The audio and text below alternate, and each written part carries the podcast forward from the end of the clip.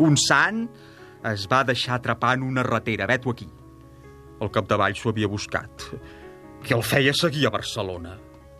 El que és jo, si els altres són uns imbècils, què hi puc fer? Quina culpa en tinc? Que potser em pagaries un altre croissant?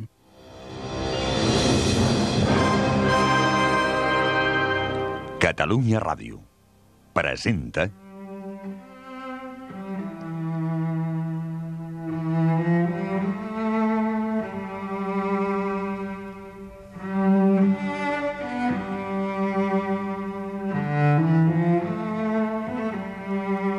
Incerta Glòria, de Joan Sales, en una adaptació lliure per la ràdio d'Oleguer Sarsenedes. Muntatge Ramon Albero. Direcció Juan Germán Schroeder.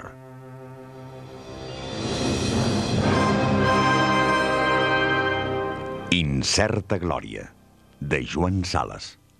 Una producció de Catalunya Ràdio amb el suport del Departament de Cultura de la Generalitat de Catalunya. Oi que et preocupa el teu cos? Uh -huh. Oi que l'alimentes cada dia? doncs escolta, tu ets el teu cervell. I el teu cervell també l'has d'alimentar. I molt. Dóna-li el millor que hi ha. Allò que té més aliment. Els llibres. Tenen vitamina A, B, C, D, E, F, G, i així totes, fins a la X, la Y i la Z. Alimenta el teu cervell. Llegeix llibres. Catalunya. Endavant amb la cultura. Capítol 60. El capità Solaràs.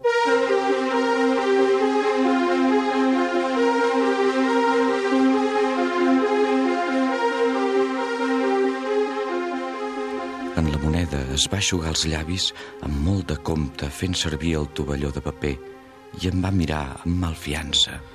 Però com és que també resulta que el coneixies, en Solaràs? Vaig mentir evasivament. Coneixia la seva tia. A ell també el vaig conèixer durant la guerra, com ja t'he dit, però no el vaig tractar gaire. Una vella molt devota de Santa Filomena. Però potser ignores que abans de passar-se els nostres rengles havia estat roig. Quin ximple! Havia desertat d'una brigada roja emportant-se en tota mena de plànols i d'informes més o menys confidencials. Això que Em dius... consta perfectament. És a causa d'això que, malgrat les seves extravagàncies, se li tenia molta consideració. Estava de sort, el ximple. Aquesta tia que dius no sols era molt devota de Santa Filomena, sinó milionària. I ell era el seu únic nebot. Si bé ha arribat a sospitar que la influència li venia no pas d'aquesta tia vella, sinó d'una altra. D'una que no era ni vella ni beata, sinó tot el contrari. Una altra tia? I quina tia! És una història complicada. No n'he arribat a treure l'entrellat. Sembla que els nostres devien a aquesta bona dona part dels informes que tenien sobre un sector determinat del front d'Aragó, com després van deure en Solaràs els relatius a un altre sector no gaire allunyat d'aquell. No creguis pas que jo arribés a veure-hi gaire clar en aquest assumpte. Jo estava ficat en els serveis secrets, però no en els de l'exèrcit, que depenien de l'estat major i on no ens deixaven ficar el nas. Uf, és complicat, t'ho asseguro. I a més no m'agrada parlar-ne. Em tornava a mirar amb desconfiança, però es veu que la meva cara el va tranquil·litzar. L'únic que sé és que amb trossets de notícies, recollits d'aquí i d'allà quasi a l'atzar, l'estat major arribava a reconstruir a força de paciència, com en un trencaclosques, sectors enemics sencers. A part d'això, devia ser una tia molt ben parida perquè tingués tanta influència. És ella qui va fer sortir en Solaràs del camp de concentració on fumia amb tots els desertors de les línies republicanes i a sobre amb estrelles de tinent. I no sols me'l feien tinent, sinó que me l'enviaven a un front mort. T'imagines quina xamba? Li van enviar, segons vaig ensumar-me, perquè les nostres posicions estaven encarades precisament amb les de la Brigada Roja on ell havia servit. No sé si ho comences a comprendre. Sí, Ho començava a comprendre. Ho havíem començat a comprendre aquell dia ja tan llunyà que en Lluís, amb la Trini i el nen, quasi agonitzant, havien hagut d'anar-se'n de Santa Espina amb el cabriolet disparat a tot galop. En la moneda, de fet, no em deia res que jo no hagués sospitat ja aleshores. Ell havia de fer per manera de trobar-se de tant en tant amb els seus ex-amics en els pobles de la vall que havia quedat deserta entre unes i altres avançades i, sota el pretext d'intercanvis, mantenir una relació el més constant possible. En Solaràs va dur el seu virtuosisme fins a organitzar partits de futbol a l'era d'un d'aquells pobles. Gràcies a aquesta mena de trucs, l'estat major arribava a saber amb exactitud la situació de les línies enemigues i podia escollir en conseqüència a cada moment determinat els sectors més morts, els més faltats d'armaments i de fortificacions, els més desguarnits de tropes, els més distrets i incapaços de sospitar que els atacaríem. L'ofensiva va ser fulgurant, l'efecte de sorpresa total van ascendir els qui més hi havien contribuït. I ja em tens en Solaràs, capità. Els darrers mesos de la guerra era capità en funcions de comandant. Jo em trobava ja en el batalló abans que ell vingués a manar-lo. És d'aquesta manera que ens vam retrobar després de tants anys. Des de l'any 30, de les darreres vegades que ell s'havia deixat caure a la farmàcia del carrer de Sant Pau, no ens havíem tornat a veure. Si la guerra hagués durat i ell no hagués estat un ximple, hauria acabat coronel. Solaràs, coronel? Oh, tenia sort, però era un ximple. Et podia parlar de les seves ximpleries dues setmanes de renc. A mi m'havien expulsat feia un parell de mesos d'un altre batalló. El comandant havia ensumat alguna cosa del que jo duia entre mans. L'home era monàrquic alfonsí i sospitava que jo li tenia els ulls a sobre. No va parar d'amargar-me la vida de totes les maneres fins a aconseguir que jo mateix demanés el trasllat a un altre batalló. Me la tenia jurada. I havia muntat un expedient amb tot de declaracions dels capitans i tinents de les companyies de fusellers granaders, uns envejosos que pretenien que durant els atacs i contraatacs jo... els tinc més ben posats i més feixucs que cap d'ells.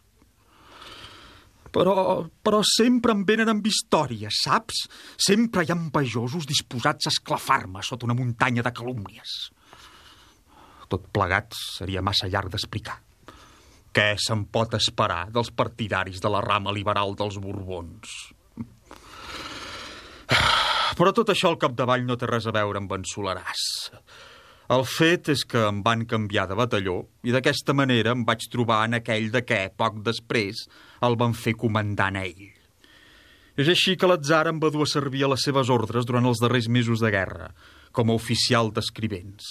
No et pensis pas que sigui sempre de color de rosa, això de les oficines de la plana major. En Solaràs sabia el meu horror a la trinxera i n'abusava. Sovint es divertia dient-me coses de mal empassar, bromes de les més pesades i ofensives, sobretot relatives a la pobilla Miranda. Era la primera vegada que sortia amb aquest nou personatge que, com vaig comprendre després, l'obsessionava. Jo ignorava naturalment qui podia ser la tal pobilla. Ell em va explicar que just abans de la guerra el seu pare i el de la pobilla Miranda s'havien ficat al cap de casar-los perquè les seves hisendes eren veïnes. Ella no semblava pas entusiasmada, tot i que en aquella època ignoràvem encara les hipoteques amb què el papà havia gravat moltes de les seves terres. D'altra banda, ella ja se n'anava cap a la trentena i, malgrat tot, es mostrava freda davant la perspectiva d'aquell casori. La noia tenia pretensions, perquè s'havia educat a França, en un pensionat de les dames negres, a Lió, i feia sovint llargues estades a París. És allà que havia conegut un insubstancial, un pintamones, un mort de gana, que feia exposicions a París sense vendre mai cap quadre. Ai, no, no sé pas què volen les dones. En tot cas, havia estat un gran error del seu pare allò d'enviar-la a educar-se a França, un país tan immoral. En Solarà sabia tota la història perquè jo li havia explicada. A darreries de la guerra jo donava encara com a cosa feta que un cop acabada ens casaríem. És precisament en Solaràs qui em va profetitzar el contrari. Pobra la moneda. Ets un incomprès. Les dones no comprendran mai. A elles no els agrada casar-se amb cornuts. Això que dius no té solta. Com es pot ser cornut abans de casar-se? Tot és possible en aquest món. I elles, sobretot, tenen una intuïció que no falla. És formidable que arriben a endevinar per intuïció. Tothom en parla. Intuïció femenina. Posaria la mà al foc que la pobilla Miranda ha endevinat per intuïció que seràs cornut. Sí, em deia coses com aquestes. Coses malsonants i de mal empassar. Però era el comandant del batalló i jo havia d'aguantar-lo si no volia que em tragués de les oficines per enviar-me a les trinxeres. El darrer hivern de la guerra. El darrer hivern de la guerra, havia dit el fantasma. Déu meu, en ple gener no veiem glaç ni neu en lloc, ni tan sols al cim de les muntanyes, el que quedava de les brigades catalanes després de la batalla d'Ebre, havia estat rebutjat al nord del riu. El nostre batalló, que ara en Picó manava, ascendit a comandant, tornava a estar reduït a un grapat d'homes, com a les hores de l'ensolciada del front d'Aragó, i tornava a rebondejar com a les hores, però ara empaitat de prop per l'enemic. Ens vam esgarriar, vam anar a parar al cim del Montsant, un gran planell de roca pelada. Semblava impossible que tot allò passés amb aquell temps tan dolç, sota aquell cel tan blau.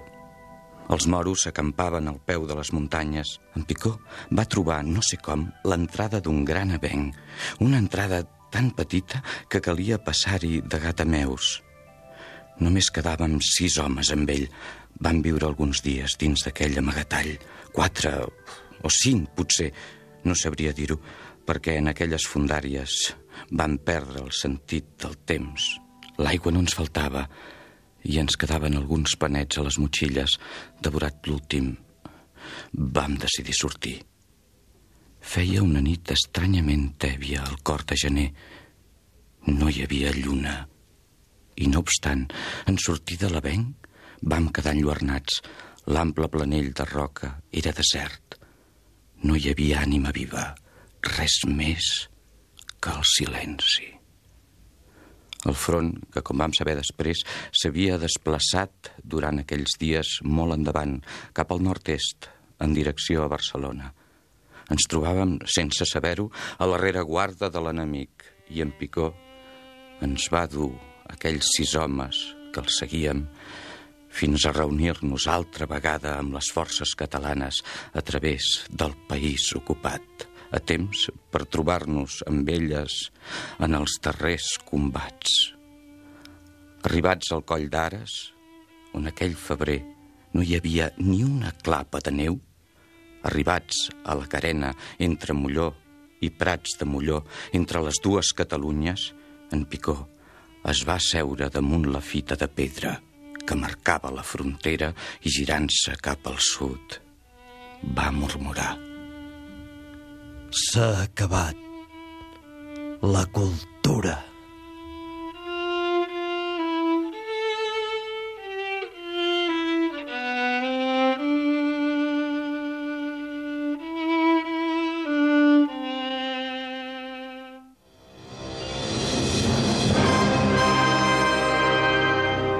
Heu escoltat el capítol 60 d'Incerta Glòria, de Joan Sales, amb les veus de... Cruells, Enric Major. La moneda, Francesc Balcells. Soleràs, Enric Pous. Picó, Enric Cosí. Incerta Glòria, de Joan Sales, una producció de Catalunya Ràdio.